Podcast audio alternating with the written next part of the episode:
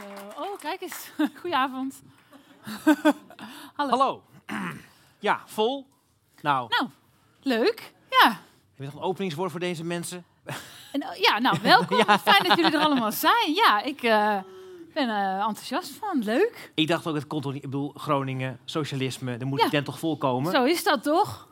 Toch, mensen? Ja, goed ja, Is dat nog een beetje? Ik bedoel, als, het- als er verkiezingen zijn, dan kijk ik altijd een beetje naar die kaart natuurlijk. Hoe Ja. gaat het eigenlijk met het socialisme in deze stad en provincie? Hoe het gaat. Ja, Ja, kunnen mensen ja zo goed. Ja, we zien nu weer goed. eh Ja, toch? Dat hebben we ook gezien natuurlijk in de afgelopen jaren dan in zo'n, dat in één keer in zo'n, in zo'n bevingsgemeente VVD dan toch weer de grootste partij werd. Dat is wel Ja, ja. Maar ja, dat, is, dat kan je voor heel Nederland eh, ophouden, dat verhaal natuurlijk, hè? Ja, komen we vanzelf Ik over te spreken. zeggen, ik ja. vermoed dat het daar vanavond misschien nog wel even over zal Ja, gaan. zeker. Ehm, Eerst even de actualiteit. Dat is natuurlijk altijd. eh, ik bedoel, ik, ik begeef me ook in het politieke veld, net als jij. Ja. Ik dacht, we moeten toch even. Het gaat, mensen die volgen hier natuurlijk allemaal ook wel een beetje de politiek. En die worden de hele week nu doodgegooid met eh, de innerlijke de, ro- de grote romance tussen de GroenLinks en de PVDA. De wolk. De wolk, de grote linkse roze wolk. Ehm, eh, is dat nou eigenlijk een bedreiging voor, voor de SP? Ik denk vooral een kans. Een kans. Ja. En eh, waarom is het een kans? Nou, kijk, eh, laat ik beginnen met te zeggen dat ik hoop dat het een eh, succesvolle ja, fusieproject, ik weet niet precies Fusieproject, hoe, ja, hoe mooi, ze het nu ja. fusieproject, Een mooi hoe fusieproject wordt, ja. precies noemen wordt. Want ik heb liever dat links heel groot wordt, of nou ja, in ieder geval wat zichzelf links noemt, groot wordt dan rechts. Dus dat wil ik zeker als eerste zeggen. Maar, en dat zeg ik ook in het boek, eh, kijk, ik kan niet in de toekomst kijken, dus ik weet ook niet hoe dit zal, eh, zal gaan. Dat zal echt de toekomst uit moeten wijzen. Maar mijn beeld is dat men zich vooral profileert als toch vooral concurrent van D66, dus een beetje sociaal-liberaal. Ja, Ja, en wij zijn natuurlijk een socialistische Ja. partij. Eh, dus ja, ik denk dat dat ook wel weer kansen voor de SP biedt. ja, want de PvdA gooit eigenlijk een beetje zo zijn eigen ideologische veren overboord op deze manier.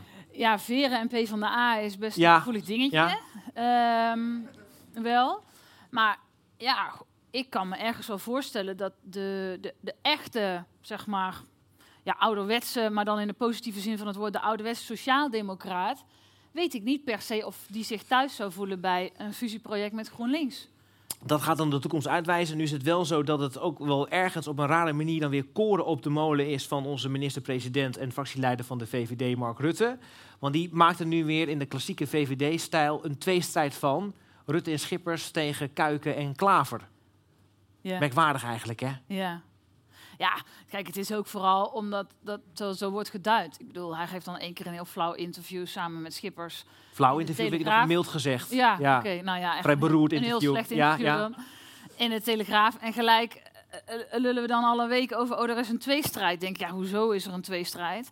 Eén, de Partij van de Arbeid en GroenLinks opgeteld zijn nu al eh, de grootste fractie in de Eerste Kamer. Dus dat dat, denk nou ja, wat heeft ons dat gebracht? Bijvoorbeeld eh, ja, steun aan het kabinet Rutte 4 voor het vernachelen van onze pensioenen, om maar eens Mhm. wat te noemen. Nou, ben ik niet heel enthousiast over.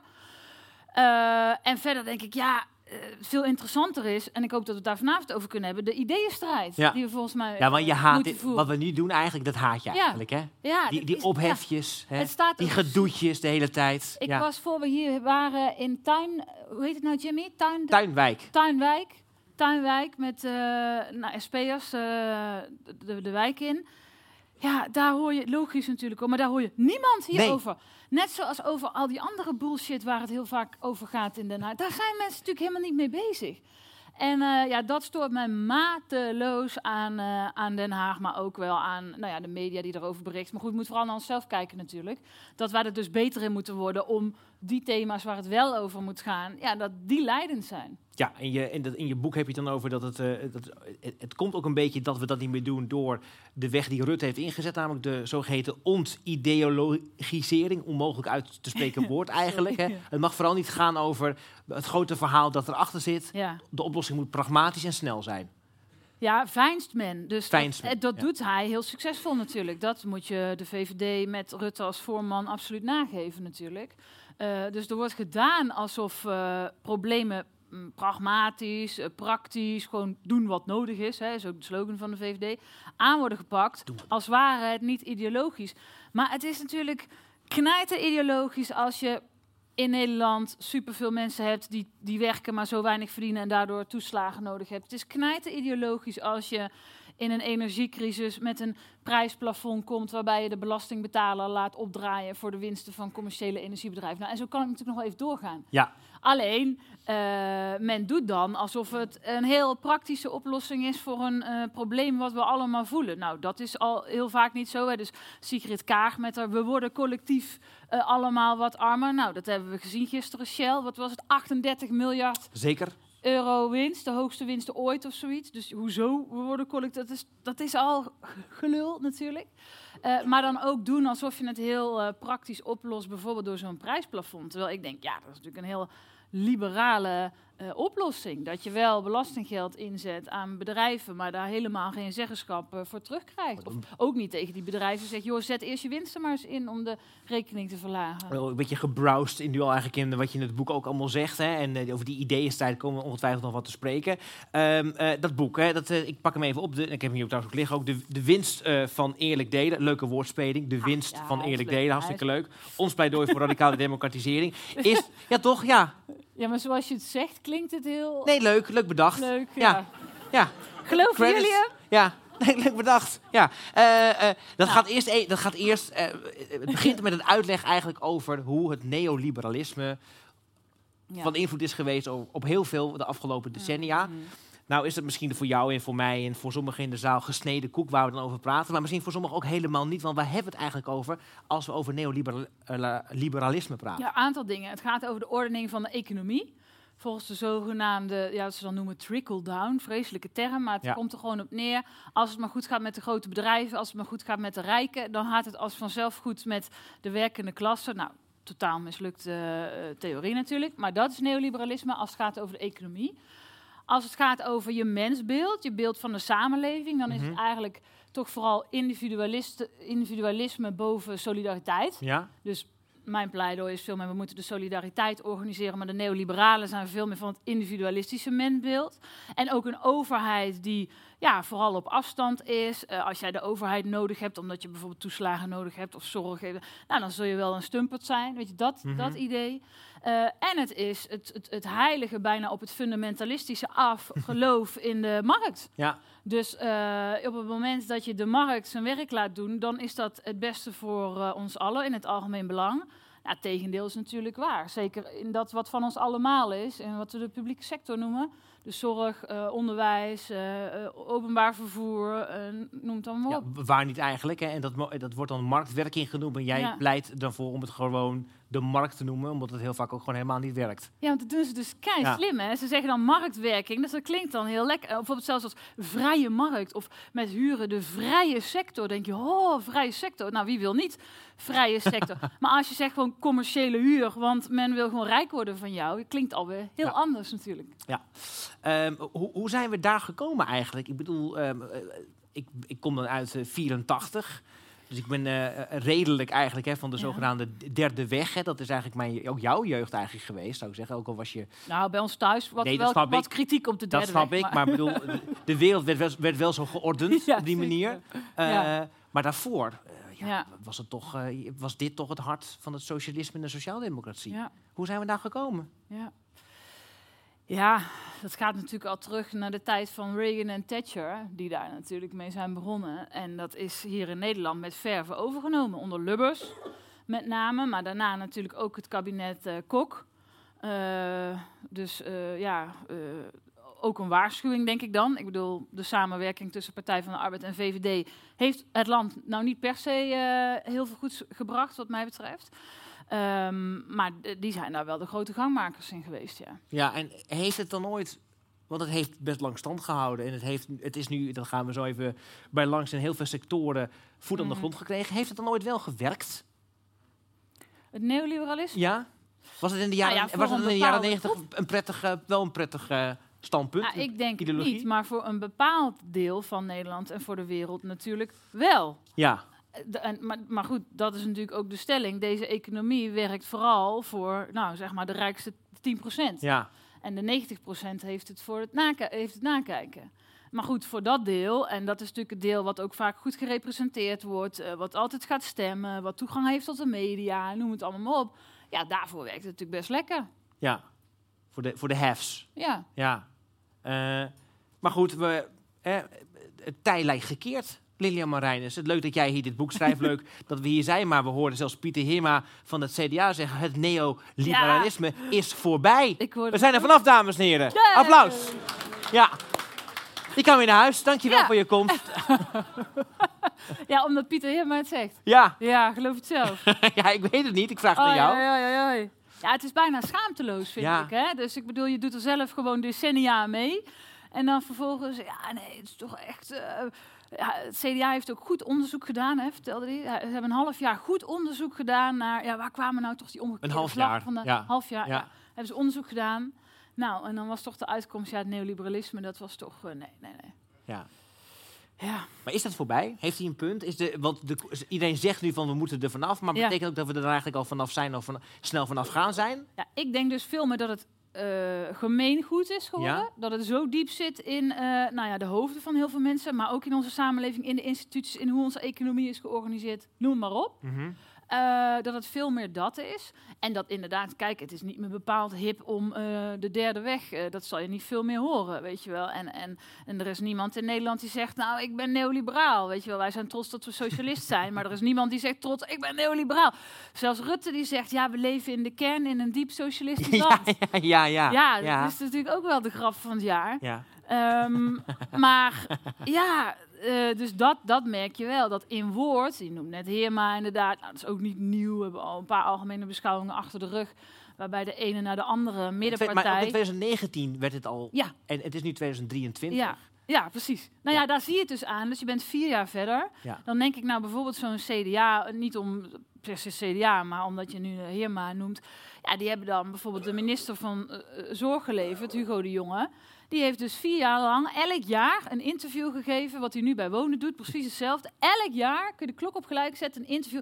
Ja, de marktwerking, de marktwerking in de zorg, daar moeten we echt mee stoppen, mensen. Want ja, al die autootjes van die verschillende thuiszorgorganisaties in de wijken, dat werkt niet. We moeten meer gaan samenwerken. Nou, we zijn dus vier jaar verder, ze hebben vier jaar de kans gehad. Er is dus geen zak veranderd. Er is nog niet een begin gemaakt van uh, het terugdringen van de concurrentie, bureaucratie, een markt in de zorg. en, en, bij wonen doen ze nu precies hetzelfde. Nu leven ze minister van Wonen. Nou, goede teksten, absoluut. Nee, we moeten weg van de woningmarkt, weer sociale volkshuisvesting. Ik zeg, uh, top. Maar er gebeurt niks. Er gebeurt Niks noemenswaardigs. Nee, er gebeurt wel iets, zeg maar. Maar dat heeft ook mee te maken, volgens mij, dat, uh, jij schrijft ook in je boek, het is zo diep geworteld. We zijn er, we zijn eraan gewend geraakt dat Ja. wij leven in een neoliber- neoliberale maatschappij. Ja. Wij herkennen het eigenlijk amper nog dat het zo is. Ja, dat, dat, dat vermoed ik. En zeker bij, eh, nou ja, wij zijn ongeveer even, jij bent iets ouder hè? Een jaartje oud. Ja, nou ja, we zijn, we zijn ongeveer even oud, zal ik dan maar zeggen. Maar ik denk inderdaad, onze generatie en alles wat zeg maar daarna komt. Ik, ik vraag ook wel eens van, goh, wat, wat eh, hebben jullie nou meegemaakt aan vooruitgang? Dus het uitbouwen van de verzorgingsstaat. Nou, niks, blijft altijd stil. Dus alle, alle, ook alle strijd, alle actie die we hebben gevoerd, is altijd nog geweest het tegenhouden van de verslechteringen. En dan werd het iets minder slecht, dan ging de AOW-leeftijd iets minder snel omhoog, of weet je, dat soort dingen. Maar echte wezenlijke, fundamentele vooruitgang, het uitbouwen van onze verzorgingsstaat, ja, dat kennen, dat kennen wij en onze generaties na ons helemaal niet meer. Nee, dus de, de, deze generatie gaat het voor de eerste keer slechter hebben dan eh, de, oude, Ja. de generatie die... Sinds de Tweede Ja. Wereldoorlog Ja. is het inderdaad zo dat de generatie die nu geboren wordt het slechter heeft dan de ouders. Ja. Dat was, ja, dat was eigenlijk toch altijd ondenkbaar en dat wil je toch ook niet. Je wilt toch altijd dat jouw kind het beter heeft dan jij. En die Maar in dit economisch systeem is dat dus niet, geen Nee, automatisme en meer. die diep geworteldheid van het neoliberalisme, dat is misschien toch aardig om ook een aantal voorbeelden, denk ik, te illustreren. Want dat was voor mij, ik bedoel, ik ben er ook wel bekend met de term, maar als je dan zo leest, denk je, oh ja, dat is ook zo. Mhm. We gewoon een paar van die sectoren gewoon even Mhm. langs gaan? Laten we beginnen. Je begon net met de zorg, hè, haalde je Mhm. aan. W- wat zijn nou echt, zeg maar, dingen waaruit stelkens maar weer blijkt dat we er eigenlijk niet van het systeem afkomen? In de zorg, ja, eh, pff, legio. Eh, maar ik denk dat de kern is dat ehm, de menselijke maat verdwenen is. En dat zie je in ehm, het, het economische denken. Dus eh, ja, er, wordt geredeneerd dat er concurrentie zou moeten zijn tussen zorgorganisaties. En dat zou er dan toe moeten leiden dat de kwaliteit van de zorg beter wordt en de prijs lager. Nou, je ziet dus eigenlijk in alle publieke sectoren precies het tegenovergestelde. Daaruit blijkt dus dat het niet werkt. Maar het zit veel fundamenteler, denk ik. eh, want dat, dat, dat werkt dus niet. Dus het heel kortzichtig. Dus om een voorbeeld te noemen, ik was in Rotterdam bij een uh, straattandarts, zoals dat dan heet. Ja. Die die Landman heet zij. Het voorbeeld staat ook in het boek. En ja, zij legt gewoon uit. Uh, ja, zij behandelt één dag in de week gratis mensen mhm. die geen tandzorg kunnen betalen. Nou ja, lang verhaal kort komt erop neer. Als je geen geld hebt, je hele gebit laten trekken is, dan krijg je het vergoed, zeg maar. Terwijl als je een wortelkanaal moet of een implantaat, dan niet. Dus wat krijg je? Dat mensen met weinig geld moeten dan een hele gebit laten trekken. Ja. Uh, wat natuurlijk verschrikkelijk is, want super pijnlijk en nou ja, heel heb je geen gebit meer? Je hebt geen gebit meer. Nee. Maar het is natuurlijk, de kosten zijn voor de samenleving en het is natuurlijk veel duurder. Ja. Dus het laat ook de kortzicht, even los van dat de menselijke maat dus verdwenen is, laat het ook de kortzichtigheid zien van dat het dus ook echt niet goedkoper is. Uh, maar daarnaast doet het ook wat met het werkplezier van mensen in de zorg bijvoorbeeld. Die zijn nu uh, ongeveer 40% van hun tijd bezig met uh, papieren in plaats van patiënten. Ja, daarvoor gaan mensen die uh, de zorgopleiding hebben gedaan natuurlijk niet in de zorg werken. En dat heeft ermee te maken dat je in dat systeem je steeds moet verantwoorden voor de uren die je werkt. En of het eigenlijk wel efficiënt genoeg is en of het wel uit kan en dergelijke. En ook het systeem van het geïnstitutionaliseerde wantrouwen. Ook echt een kenmerk van neoliberalisme. Van de, de zorgindicaties dus als je wat hebt, dan krijg je een indicatie. En waarom is dat een kenmerk van het neoliberalisme? Omdat als je uitgaat van vertrouwen, uh, waar ik een groot voorstander van ben, in zorgpersoneel, dat zij gewoon doen wat nodig is. Ja. Er is een partij die dat als slogan heeft, maar, maar dat niet doet. Uh, dan denk ik dat dat uiteindelijk veel beter werkt. Dat zo'n zorgverlener echt wel weet wat er nodig mhm. is. Dan dat er een indicatie moet komen en dan valt oma en dan breekt ze de heup. En dan moet er weer een herindicatie komen. En dan moet er weer gebeld worden en formulieren ingevuld worden. En zes weken wachten en dan moet er daar weer over vergaderd worden. En het is natuurlijk ja, een belachelijk systeem eigenlijk. Ja, omdat we even over zorg hebben. Je zegt ook over dat het, dat het idioot is dat in Nederland ziekenhuizen failliet kunnen gaan.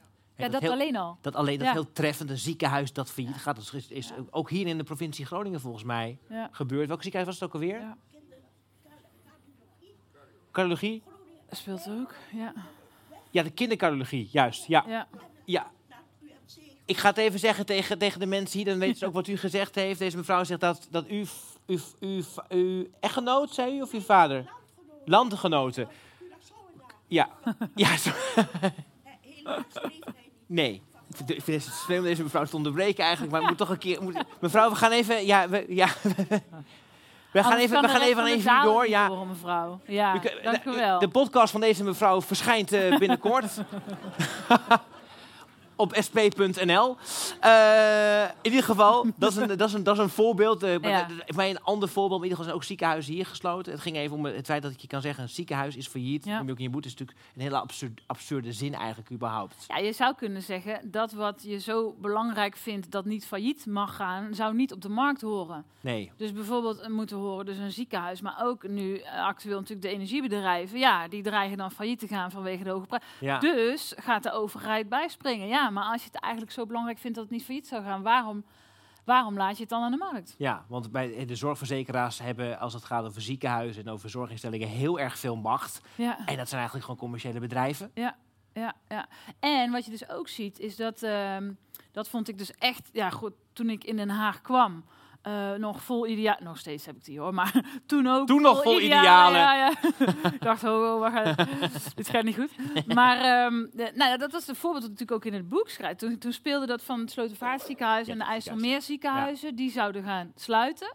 En ik dacht, nou, dit kan niet. Ik roep de minister naar de Kamer en die moet verantwoording afleggen. Dus de minister die kwam braaf naar de Kamer. Maar die zei tegen mij en de rest van de Kamer: Ja, ik vind het ook echt heel vervelend dat de ziekenhuizen dicht gaan. Maar ik ga er niet over. En u gaat er ook niet over als democratisch gekozen parlement. Want het is inderdaad aan de zorgverzekeraar. Maar met de energie natuurlijk is het ook zo. Dat toen, toen er moest worden ingegrepen door het prijsplafond. Dat Zegers zei toen. Ja, We, we, lopen naar de cockpit van het vliegtuig of wat dan ook. Maar er zit niemand in. Of, of, wij zitten er in ieder geval niet in. Ja. Dus je hebt er ook als, als politiek en daarmee als samenleving, uh, democratisch georganiseerd, geen klap meer over te zeggen. Maar hoe krijg je dat? Dat is meteen een grote vraag. En misschien nu, dat ga je naar oplossingen toe maar daar komen we zo meteen nog in detail. Maar dat is toch, hoe win je dat nou ooit terug? Je bent, je bent dus, er zoveel kwijt nu. Dat is het dusdanige systemische verandering, dat heb je natuurlijk nooit geregeld. Nou, kijk, het feit dat het ooit anders was, bewijst natuurlijk dat, het kan. Ja. Dus dat is, dat is het makkelijke antwoord. En, uh, het, uh, en ik, ik, ik, denk dat het uiteindelijk begint, ja, zoals alles, wel bij mensen van onderop. Dat geldt hier ook gewoon zo. Ik bedoel, er moet gewoon een beweging komen. En, en we bouwen daaraan met, met, met onze volkspetitie voor het nationaliseren van de energie. Mhm. Maar ook met ons initiatief voor een nationaal zorgfonds bijvoorbeeld. Er moet een beweging komen van mensen die zeggen, ja, ho eens even, maar wij kunnen dit zelf veel beter. Want dat denk ik namelijk. Dat is ook een van de grote misverstanden over onze partij. Is dat wij denken, nou, als de overheid alles maar regelt, uh, dan komt het goed. En dan zeggen heel veel mensen nu tegen mij, en dat snap ik. Ja, nou Marijn, is zo lekker dan. Overheid is verantwoordelijk voor toeslagenschandaal. Uh, verantwoordelijk voor dat alles in de soep loopt. En dan denk ik, ja, dat klopt. Maar dat is natuurlijk wel deze neoliberale overheid. Maar wat maakt dat even? Ik, ik, wil steeds even helder hebben, zeg maar, wat dan neoliberaal is aan zoiets. Wat, wat maakt dan bijvoorbeeld de, de, uit, de, de uitvoering van uh, hoe het nu gaat bij het toeslagenschandaal, wat maakt dat dan neoliberaal? De, die hele hersteloperatie ja, dat, ja. ja, nou, dat echt, ik vind, dat is, ja... Er is dus Rutte 3 over gevallen. Sorry, heel even. Ja, dat mag echt kwijt. Ik vind het zo erg. Ik zit hier bij, zo... achter jou, in jouw decor zit ik hier. Oh ja, dat is waar. Ja. Ja, ja. Maar goed, ik wil gewoon netjes antwoord geven op jouw vragen. Maar ik, ik oh, afgelopen week, ik ben er zo kwaad over. Rutte 3 valt over het toeslagenschandaal. Uh, ze zeggen zelf, we hebben het zo slecht gedaan dat we weg moeten. Nou goed, vervolgens maken ze eigenlijk een doorstart in Rutte 4. Nou goed, wij waren er niet voor, maar oké. Dan is het toch je eer zou je denken. Dat dat is wat je boven aan je lijstje hebt, wat je oplost. En als je dan nu hoort dat nog steeds zoveel gezinnen in de shit zitten, dat onterecht uit huis geplaatste kinderen niet terug zijn, dat er nog steeds vanuit wantrouwen om wordt gegaan. Uh, ik bedoel, ja, we Mhm. zitten hier in Groningen, is precies één op één vergelijkbaar. Mhm. Weet je wel, hoe diep mensen ook in de shit zitten, nog steeds gaat er, wordt er uitgegaan van, van het wantrouwen in, eh, in mensen. Uh, en ja, dan krijg je gewoon een toeslagenschandaal 2.0 nu eigenlijk weer bij de afhandeling. Maar dat, dat wantrouwen, vertrouwen, het is volgens jou ook echt een essentieel onderdeel van een, een nieuwe weg. Ik sprak vanochtend namelijk uh, uh, Sander Schimmelpenning. Nou, die is ook eigenlijk zo van halve SP'er aan het worden langzamerhand, toch? Nou... Nou... Nee? Maar goed, wat hij wel zei... Ja. Ik weet dat dat niet zo is, hoor, dames en heren. Um, wat hij wel zei, hij zei wel... En dan, en dan, en dan sprak hij eigenlijk jou nu na. Hij zei wel Ja. van, ja... Uh, je moet meer vertrouwen hebben in Ja. mensen. Je moet ze ook Ja. gewoon het geld geven Ja. om hun eigen problemen op te kunnen lossen. Ja, ja, ja maar ik, dat vind ik dan te plat, om eerlijk te zijn. Wat maakt dat dan te het plat? gaat veel verder dan dat. En hoe, hoe, op welke Het manier? gaat over zeggenschap. Ja. Dus het gaat ook, oh, tuurlijk gaat het over eh, geld en, en genoeg geld kunnen hebben om eh, nou ja, de, de keuzes te kunnen maken die je wil maken. Tuurlijk, dat is, dat is voorwaardelijk. En dat we eerlijk delen en zo, daar gaat het hele boek over. Maar het is, ik denk, het gaat veel dieper. Het gaat over, over zeggenschap. Het gaat over eh, grip hebben op dat wat in jouw leven belangrijk is. Ja. Je woonomgeving bijvoorbeeld, je wijk, je huis, je werk, eh, eh, hoe je kinderen opgroeien. Eh, dat soort zaken. En dat- mijn vrouw zegt volgens mij, die mompelt geen toeslagen. Dat hoorde ik volgens mij goed. Hè? Ja. En dat, dat schrijf je ook op in dit boek. Hè? Ja. Het feit dat je dat dus eigenlijk al nodig hebt om überhaupt een beetje te kunnen leven. Zorgt ervoor dat je geen Ik- grip hebt op je eigen leven. Juist, en ik vind dat een van de kritiek, denk ik, die je op, eh, op, op onszelf, maar breder op linkse partijen, denk ik, kunt leveren, is dat wij daar onvoldoende in zijn geslaagd om dat fundamentele debat aan te jagen. Dus ook bij het toeslagenschandaal gaat het. Laat, vind ik dat Rutte, en dan niet als persoon, maar gewoon als verpersoonlijking van een ideologie, te makkelijk wegkomt met het verhaal van ja, er zaten een paar boeven bij de Belastingdienst en nou, die hebben toch eh, verschrikkelijke dingen gedaan en oh, nou, ik ben erover afgetreden en ik vind het ook zo erg. Nee, het fundamentele debat is één, waarom zijn er zoveel werkende mensen in Nederland die Mhm. toeslagen nodig hebben om rond te komen? En dat zijn natuurlijk gewoon indirecte subsidies van de winsten van bedrijven. Want die toeslagen worden betaald door ons allemaal, door de belastingbetaler. Omdat die bedrijven de lonen laag houden. Dus Ja. als die bedrijven nou zijn winsten zouden inzetten om die lonen te verhogen. Die Dan miljarden van Shell. Ja, dan zou niet de belastingbetaler al die miljarden kwijt zijn aan die toeslagen. Dus dat is één.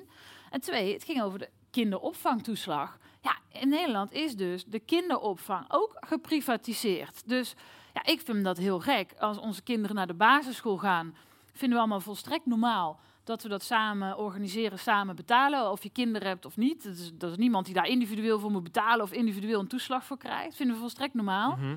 Maar de fase daarvoor, de kinderopvang, is dan geprivatiseerd. Dus Ja. dat zijn ook commerciële bedrijven die ook inderdaad winst maken. dat is wel belachelijk, vind ik, maar goed.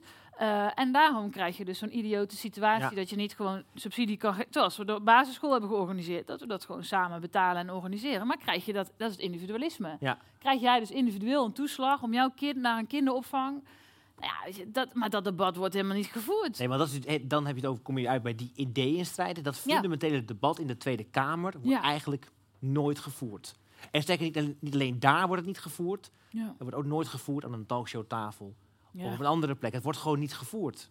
Nee, te weinig vind ik. En ik, ik zeg dit niet om uh, te zeuren. Of, want dan denk ik, ja kom op, wij zitten er zelf. We zijn er zelf ook bij. Dus ja, en, en, we proberen dat ook wel. Maar goed, we hebben dat natuurlijk niet alleen. Uh, ja, ik ga inderdaad niet over welke onderwerpen er aan een talkshowtafel worden besproken. Helaas. Uh, en ja, natuurlijk, we proberen dat wel. Maar ja, je merkt wel in de Kamer ja, als ik zeg uh, met Rutte het debat probeert te voeren hierover. Ja, het is toch altijd van ja, nee, maar mevrouw Marijnissen maakt het weer ideologisch. Weet je wel, laten we het nou even pragmatisch houden. Uh, over de energie zegt hij dan, over het nationaliseren. Ja, mevrouw Marijnissen, maar lantaarnpalen zijn niet links of rechts hoor. Het is gewoon belangrijk dat ze branden. Ja.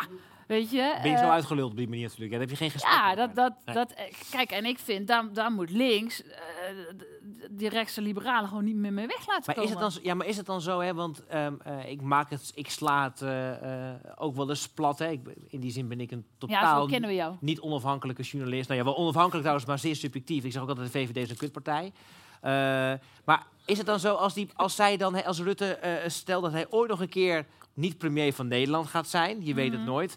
Uh, ja, of hij zit er tot zijn uh, honderdste, kan ook. Uh, dat het dan ook per definitie beter gaat. Of is het, is het zoals je eigenlijk ergens schreef, ook betonrot eigenlijk. En ja, mhm. is het niet weg te krijgen? Dat is mijn vrees een beetje. Je kan wel mhm. mooie idealen, Lilian.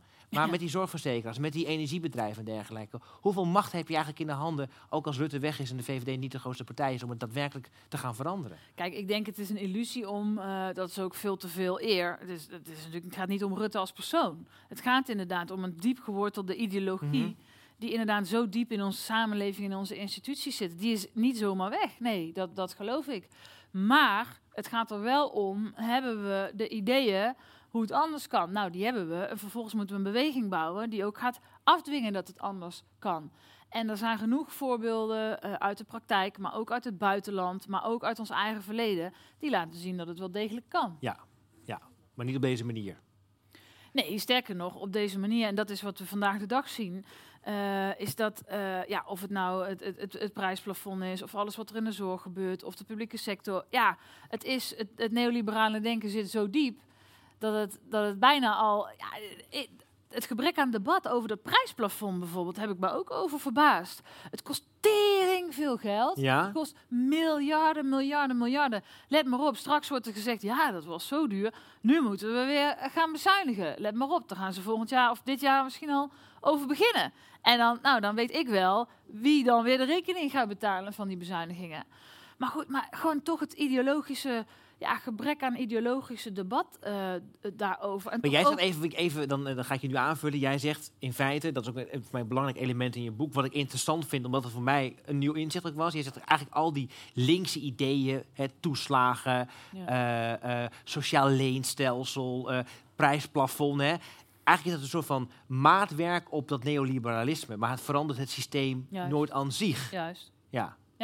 Nee, dat is het. En uh, ik vind dus dat links ervoor is opgericht, en wij moeten daarin voorop gaan, om wel die fundamentele ideeën strijd te voeren. En om wel een beweging te organiseren die die systeemverandering teweeg gaat brengen. Omdat het anders altijd ja, toch een soort geklooiende marge zou blijven. Ja. Ik, ik wil even iets doen, want ik pak even mijn telefoon erbij. Uh, in de Volkskrant vanochtend, ik heb natuurlijk de hele week intensief jouw boek gelezen. Stond mee op, ging mee naar bed. Uh, mijn dochter vroeg, wie is die vrouw waar je naar zee zit te kijken? Dat is niet mama, dat klopt, zei ik. Dat is Lilian Marijnissen. Uh, ja, zo ging het. Dus vanochtend de, de Volkskrant. En, uh, en, toen, en, ja, en als je dan even met jouw blik naar het nieuws kijkt, dan, dan zie je het ook in één keer nog veel mm. sterker dan anders. Hè. De Volkskrant, uh, ik pak het even bij. Dus dan pak je in de eerste acht pagina's. Dan staat er op pagina drie staat... Oud en koud, de winter eist een tol. Dat gaat dan over verpleegtehuizen waar dan uh, de verwarming te koud staat. Dat lijkt mij dus de markt die dat heeft gedaan. Ja. Ja, toch of niet? Dan krijg je de volgende pagina. Milieuinspecteur verruilt functie als toezichthouder van Tata Steel voor een baan bij Tata, Tata Steel. Ja. De markt. Ja, ja, ja. Plan schoolbestuurder voor onbevoegde leraren wekt woede voor hele onderwijs van het hele onderwijsveld, omdat ze daar geen vaste contracten kunnen betalen. Dus dan nemen ze freelancers die bijvoorbeeld kunstenaar zijn en bijklussen in dienst. En natuurlijk de, de klap op de vuurbal deze week. Klaagzang, bedrijfsleven uh, lijkt gebaseerd op drijfstand. Dat ging dan over dat het bedrijfsleven voor het vestigingsklimaat mochten ze allemaal één voor één of met z'n zevenen bij heel veel ministers langskomen bij het katshuis. Dus het is inderdaad, je denkt dan ja, het is abstract en zo, maar als je gewoon naar de krant kijkt, zie je het bijna in elk artikel wat gaat over Nederland, zie je dus deze trend eigenlijk terug. Ja, en ik, precies dit. En ik denk dus dat het belangrijk is dat, en wij kunnen daarin, wij moeten daarin voorop gaan, dat we dat veel meer ook blootleggen. Niet alleen om uh, die ideeënstrijd te voeren, maar ook om perspectief en hoop te bieden aan heel veel mensen die, uh, nou ja, afgehaakt zijn gemaakt, zoals ik betoog in het boek. Ja, de tot afgehaakt maakte. Ja, ja. ja.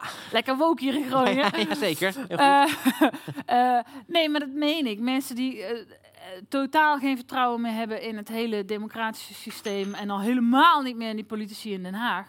Kijk, als je er na namelijk niet een wezenlijk alternatief tegenover zet, Waarvoor zou je dan ook hoop hebben op verandering? Want dan is er ook geen perspectief op wezenlijke verandering. Want crisis of geen crisis, je weet toch wel dat jij aan het kortste eind trekt. En dat is natuurlijk de praktijk van heel veel mensen. En ook daarom denk ik dat zo'n ideeënstrijd belangrijk is. Want als je er wel een wezenlijk alternatief tegenover kan zetten, dan kan er wel hoop zijn dat er dingen echt wezenlijk ook veranderen. Je hebt heel veel, geef je eigenlijk al oplossingen aan. Op het eind wil ik nog wel even met je echt wat concreter over je oplossingen praten. Uh, ik wil het eerst ook even hebben over Groningen. Uh, want daar zijn we tenslotte. En we zijn allemaal, tenminste hoop ik, over die ja, je mag ook geen Groninger zijn, maar ik ben in ieder geval wel een Groninger. Mm. En uh, volgende week, of over twee weken, wanneer is het twee weken, wordt de parlementaire ja, de gaswinning wordt dan gepresenteerd in Zeerijp. 24 februari. 24 februari, dat in de ochtend. Um, in de tussentijd lezen we nog steeds dat die versterkingsopgave nou, een jamboel is. Hè? Ja. Uh, ik dacht, hoe zie je nou dit systemisch denken, wat jij dan toch ook wel fileert, nou terug in deze operatie? Ja, totaal. Natuurlijk totaal het grotere plaatje al. Dus, dus, dus de shells van deze wereld. Die, nou ja, en ook de samenleving die Groningen als windgewest hebben mm gebruikt. En uh, nou ja, Groningers die, die daar de dupe van zijn. Dus dat, dat is natuurlijk één op één.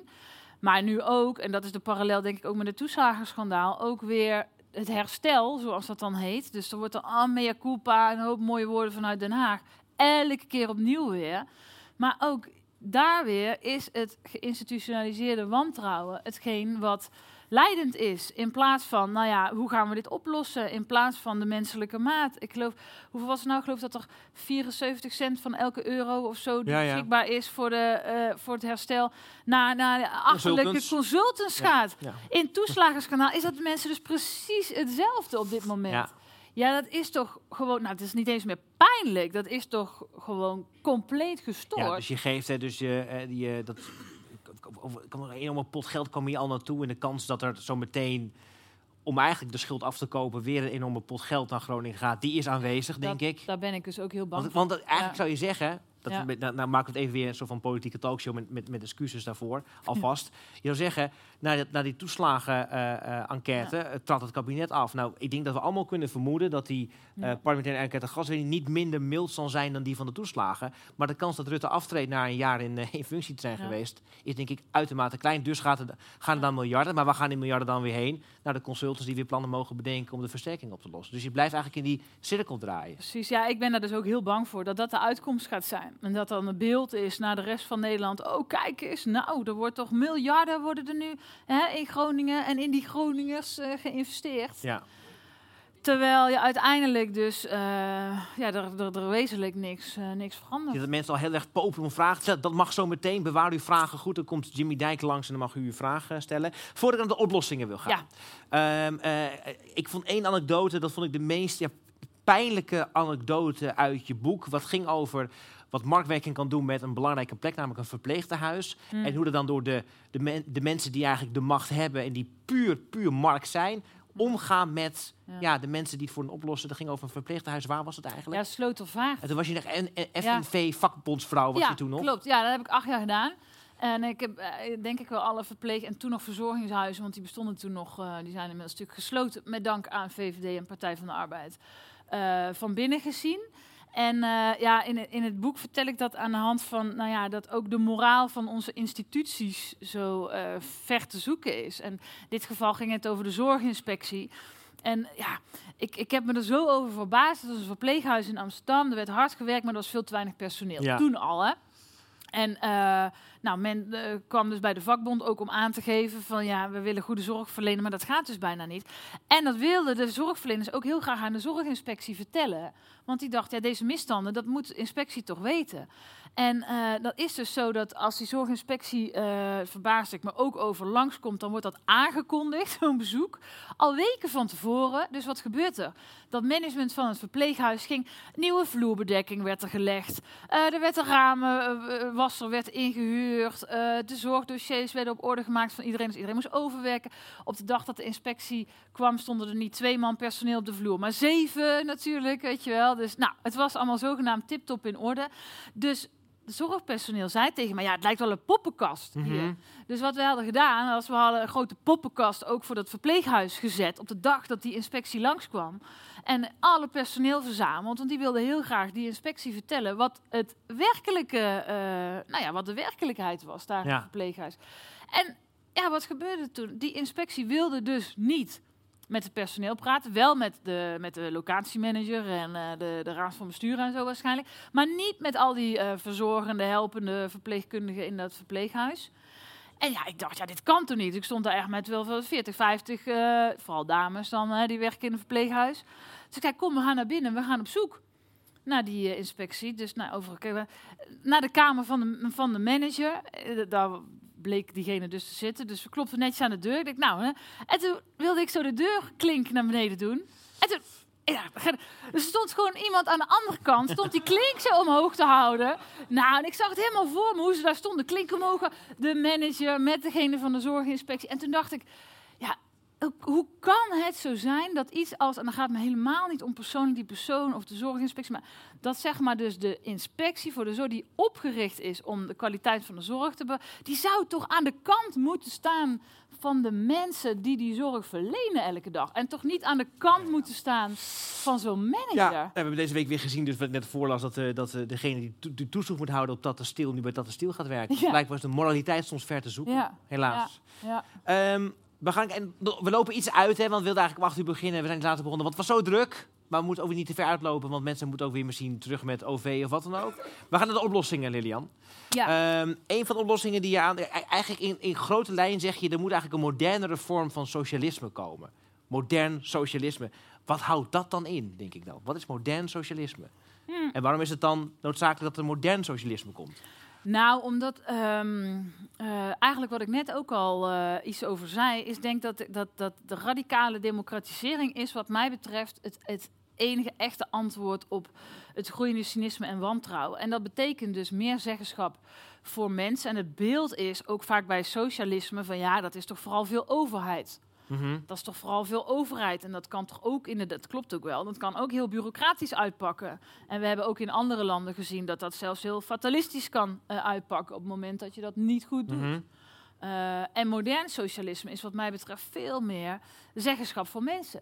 Dat is waar ik in eh, geloof. Vertrouwen in mensen, zeggenschap voor, voor mensen over hun eigen leefomgeving, over hun werk, eh, over de publieke sector waar we het net dan gaat het eh, niet over over- hebben gehad. Want als je dan hier met een, iemand van D66 zou zeggen... en je zou zeggen over zeggenschap, dan gaat het heel gauw over referenda. Dat is ook onderdeel van wat jij schrijft. Maar dit gaat ook over toeslagen moet niet moeten niet nodig zijn. Ja. Mensen moeten gewoon in staat zijn om Ja. met, een, met het inkomen dat zij verdienen... in ieder geval gewoon hun, hun basislevensvoorziening op peil te kunnen houden. Oh, is dat wel grappig, dat referendum dat je dat nou noemt. Want dat was inderdaad ooit een kroonjuweel van D66.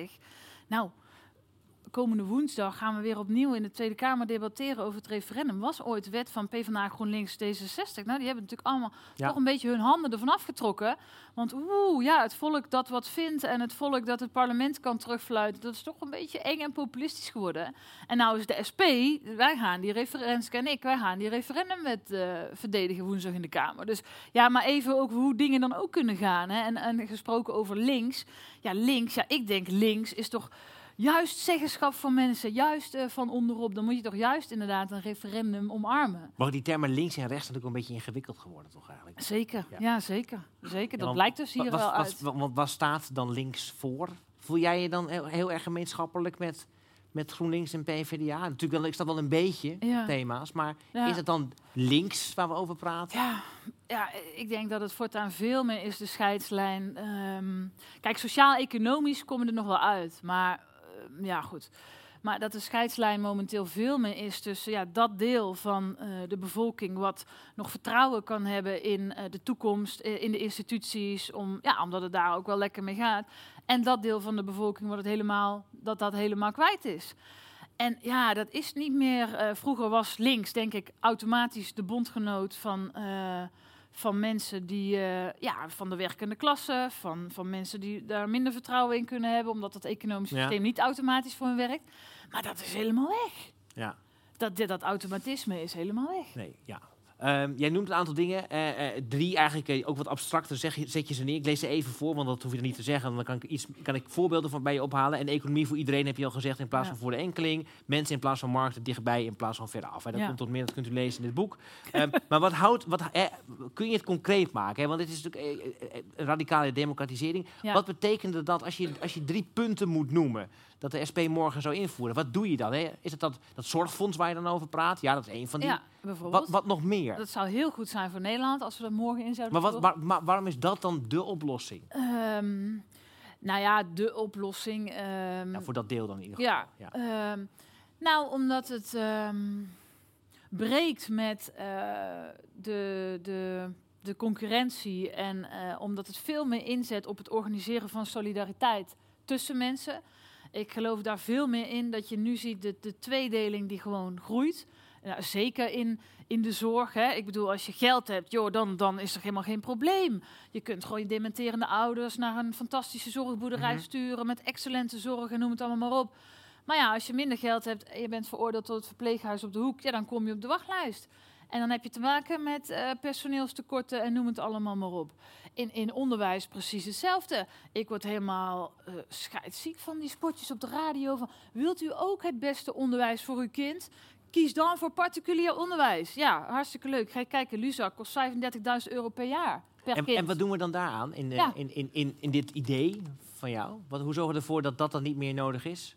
Nou, ervoor zorgen dat we dus niet die tweedeling verdiepen, maar dat we solidariteit organiseren. En dat kan door in ieder geval de publieke sector, dus zorg, onderwijs, dat wat van ons allemaal is.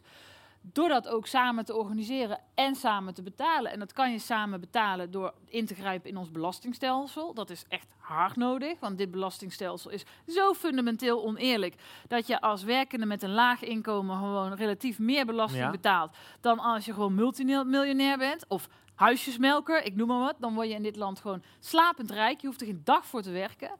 Um, dus die fundamentele onrechtvaardigheid, die moet eruit. En daar kun je heel veel geld mee ophalen. En dat kunnen we inzetten om dingen die voor ons allemaal zijn, zorg, onderwijs, veiligheid, om dat goed te organiseren. Ja, en dan flik je al die zorgverzekeraars weer eruit. Dat zou een hele verstandige uh, stap zijn. Ja. Uh, en ook het eigen risico, want vandaag ehm, aan de deur nog begint er iemand. Ging, we waren over de hoge energierekening langs de deur. Maar meneer die vertelde, ja, ik ben chronisch ziek en het is nu januari is net voorbij. En ik heb alweer 400 euro bijna moeten aftikken voor het eigen risico, vertelde die meneer. En hij zei, ja, ik heb een buffertje, dus ik kon net betalen. Maar hij lag dus serieus wakker van, nou ja, hoe gaat het nu verder? Want als ik nu maar iets van tegenslag heb, ja, dan kan ik het dan niet meer betalen. Nu heb je, nu heb je, we zien hè, dat Shell 38, miljard winst maakt. We zien hier ook in de stad Groningen in de dat heel veel van die huisjesmelkers. Ik, ik geloof nou jong of oud is, iedereen deelt toch wel het gevoel dat het niet helemaal de goede kant op gaat met de wereld op deze manier. En toch lukt het niet, met grote verbazing, elke keer weer niet dat links zich verzamelt en dit verhaal goed vertelt en verkiezingen ruim wint. Kijk hoe druk het hier is. En de kans dat de VVD dan toch weer de grootste is bij de Eerste Kamerverkiezingen, zometeen, of bij de Statenverkiezingen, die, die is ja, aanwezig. Maar dat moeten we dus hoe komen. Ja, maar hoe, maar hoe, ja. maar goed, we zijn al jaren verder, hè? We roepen het ja. al jaren. Ja, ja, ja. Hoe kan het elke keer toch? Is het verhaal toch niet sterk genoeg? Mm. Waarom mobiliseer je de mensen niet? Nou, dat laatste doen we wel. En ik zou iedereen willen uitnodigen om, uh, om volgende week... Er gaan gratis bussen vanuit het hele land en ook vanuit hier... Uh, om naar ons volksprotest te komen. Uh, dat doen we op het Beursplein in Amsterdam, waar we symbolisch de energiebedrijven van de markt gaan trekken. Omdat we zeggen, ja, dat zou dus niet aan de markt moeten zijn. Maar dat geldt natuurlijk ook, wat we net bespraken, voor de zorg en andere uh, zaken. Dus dat doen we volop. Maar het eerste deel van jouw vraag, ja, het verhaal en zou links zich niet moeten verenigen. Ja, ik ben erg voor samenwerking, maar ja, als ik zie dat er toch ook partijen zijn die zichzelf links noemen, die nu Rutte aan een meerderheid helpen om ons pensioen te individualiseren bijvoorbeeld en te commercialiseren, dan denk ik ja, ik zie, sorry, niet in wat daar links aan is, om maar eens wat te noemen. Uh, het prijsplafond hebben we het net al over gehad. Ja, ik vind het ongelooflijk dat je als linkse partij meegaat in zo'n liberaal labmiddel. En dan niet de fundamentele discussie voert van: hé hey jongens, maar zien we nu toch niet misschien in dat energie een basisvoorziening is in plaats van een markt? En zouden we daar niet iets aan moeten doen? Nee, ik noemde net al even het sociaal leenstelsel. Ik noemde net zelf het sluiten van de verzorgingshuizen. Ja, het is allemaal links, hè? Wat dan, of partijen die zichzelf links noemen. Ja, dat snap ik. En wij dan, hè? Hebben, en, wij, en, wij, dan in de zin van, de, eh, in Frankrijk uh, gaat het pensioenleeftijd omhoog. En zelfs, ja. in, zelfs de jeugd gaat daar nu massaal de straat op. Uh, uh, doen wij genoeg? Ik bedoel, staken wij genoeg? ja. Zijn we boos genoeg? Zijn, zijn de studenten boos genoeg voor het sociale leenstelsel? Of de studenten die nu niet gecompenseerd worden omdat ze te laat zijn ingestapt en geen geld terugkrijgen van de jaren die ze verloren hebben, zijn die boos genoeg? Nou, ik ben op bijna alle studentenprotesten geweest. Uh, nu voor compensatie voor de schuldengeneratie, mm om maar zo te noemen. Bedoel ik inderdaad, ja. Ja, en dat is zeer terecht. Uh, alleen, ja, ik denk dat het toch te weinig uh, resoneert. Dat toch ook andere onderwerpen op de universiteit, vind ik helaas, uh, dominant zijn. Terwijl ik denk, ja jongens, dit is toch de strijd die we met z'n allen uh, zouden moeten voeren. En die wordt gevoerd hoor, zeker. En uh, nogmaals, dan zijn wij erbij om die, om die te steunen en ook om die aan te jagen. Maar ja, dat mag wat mij betreft wel een tandje bij. Kijk in Engeland nou joh. De hele publieke sector ligt daar stil omdat er gestaakt wordt. Je noemt Frankrijk net al even. Ik geloof dat er 2 miljoen mensen op de been zijn. Nou hier ja, de SP wordt bijna een beetje uitgelachen. Onze Bart van Kent, die is al een half jaar lang, trekt het hele land door. Ook volle zalen trouwens, met pensioenen. Uh, maar wij gaan toch de pensioenen wel inzet maken, ook net zoals het nationaliseren van de energie, voor de, voor de statenverkiezingen. Omdat het wel zo is dat dat nog door de Eerste Kamer moet. het gaat niet meer lukken om dat nog voor de verkiezingen te doen. Nee. Uh, dus dat gaat na de verkiezingen worden. Dus er is echt nog een kans om die nieuwe pensioenwet, om die, om die tegen te houden. Ja. Uh, en waarom is dat belangrijk? Nou, vooral uh, in één zin omdat de pensioenen onzekerder worden daardoor. Ja. En dat zit helemaal niemand op te wachten. Uh, Nederland heeft een van de beste pensioenstelsels ter wereld. Er zit geloof ik 1500 miljard in die pensioenpotten. Dus dat, dat is helemaal niet het probleem. Maar het moet nog individueler. Het moet een, ja, een casino-pensioen worden. Dus het gaat uh, stijgen of dalen al naar gelang de, de, de welvaart groeit. Dus ja, als het de welvaart groeit, dan gaat jouw pensioen omhoog. Maar gaat het niet goed met de welvaart, dan gaat jouw pensioen omlaag. Dus het, die hebt, nu heb je een gegarandeerde uitkomst bij ja. pensioen. Dan weet je, oké, als ik met pensioen ga, krijg ik ongeveer dit. Nou, dat gaat weg. Dat wordt totaal onzeker. Dus u weet straks helemaal niet meer wat voor pensioen u krijgt. Alleen uw inleg komt vast te staan. Dus je weet alleen wat je moet betalen. Maar je hebt geen flauw idee wat je straks krijgt. Ja, wie is daar nou voor? Voor ja, zoiets? Ik, niet, nou. maar voordat we nou alleen over pensioenen gaan praten, ik, ik denk altijd wel van ja, dat pensioen, uh, zie ik überhaupt nog gewoon een pensioen. Als ik het allemaal, uh, dus ik denk, ja, moet het stelsel niet sowieso wel een beetje veranderen? Ja, maar dat, ja, precies. Ja. Maar goed, dit is dus wel, ja, wat ik begrijp, wat, wat noem jou maar even jong, maar... Ja, ja. nou ja, ja? je bent toch ook jong? Mag, ja, wat als wij jong ben, ben jij ook jong? Precies, of vind je jezelf oud? Daarom zeg ik het, jij bent een jaar ouder, dus als ik jou jong noem, dan, nou, ik snap het wel. Uh, wat, begrijp ik wel dat veel jonge mensen zo denken. Maar ja, dat is, dat, dat bedoel, ook als je kijkt het aantal ZZP'ers in Nederland wat geen pensioen opbouwt. Nee. Dat is dat gaat echt, over decennia gaat dat voor gigantische problemen ja, Eigenlijk zeg je, nu wordt het zo'n casino-methode, dat is niet een oplossing voor uh, jonge mensen, dan wel voor ZZP'ers. Nee. En er moet een ander, eigenlijk een ander soort stelsel ja. komen. Dat is dit dus niet. Ja. Goed zo. Um, dus we hebben tijd voor vragen. We nog even naar Niels luisteren. Ik moet nog even één ding met jou uh, uitvechten hier. Uh, toch nog, want ik, ik nou, je merkt, u merkt wel, ik ben uh, eigenlijk, ik ben, ik, wat Lilian zegt, we zijn het soms honderd met elkaar eens. Maar één ding hebben we altijd, als we elkaar treffen, een, een discussie over. Fan-button ja, ik heb de Lilian Marijnissen fan-button op. Er zijn trouwens de linkse mannen los het op, maar Lilian merkt op dat hij LM voor Lilian Marijnissen staat. Ja. Nu kan ik deze button nooit meer op de goede manier bekijken. Um, ja. um, Europa. Mooi. Ik heb het ook gelezen, weer ja. een stuk over Europa, met extra interesse. Ja, ja en ik, ik, ik weet het niet. Ik ben zelf wel... Jij zegt, je, mensen voelen zich Nederlander en geen Europeaan. Ik voel me ook wel Europeaan, Lilian. Mhm. Jij voelt mhm. je echt alleen maar Nederlander? Nou, op de eerste plaats. Ja. En ik denk dat dat voor het grootste deel... Kijk, niet voor iedereen hoor. eh, maar dat is denk ik wel, eh, met alle respect voor jou Bram... het, ja, het deel waarvoor Europa misschien ook wel wat positiefs brengt. Maar er is Ja. natuurlijk een heel groot deel in Nederland... waarbij Europa, als in de zin van de Europese Unie... eh, helemaal niks positiefs eh, brengt. Eh, en vooral eh, negatieve dingen brengt en vooral nadelen brengt. Ja, en ik denk dat mensen zich op de eerste plaats toch vooral... Nou, we zijn hier in Groningen, misschien zelfs wel op de eerste plaats Groningen voelen. Ligt eraan waar je Ja, bent in dat Nederland. natuurlijk denk- sowieso. Ja, nou ja, goed. Eerst Maar- Groningen, hè? ja, Ja, en dan misschien Nederlander en, en, en, en dan misschien Europeaan. ja, Maar ik, ik kom zelden iemand tegen die zegt, nou, eh, welkom, ik ben Europeaan. ja. Niemand. Nee, nee maar het, het, het gaat uit worden nou heel erg een... een, een- een- het- je zei niet, zeg maar, de Europese Unie zou eigenlijk drastisch moeten veranderen. En je hebt je ook vraagtekens bij Ja. of de euro wel de munt is die hier moet blijven. En ik Ja, vind het zeker. nogal... Ja, ik, ik, elke keer schrik ik daar weer van als ik dat lees. Dan denk ik, wat helpt, ons dat, wat helpt ons dat nou verder als we daar weer van afgaan? Het heeft ons zoveel gebracht toch ook aan veiligheid en eenheid. Tja, Mevrouw lacht me daar al uit, maar dat mag hoor. Je bewaart het zo meteen. Ik zoek u zo meteen op mevrouw.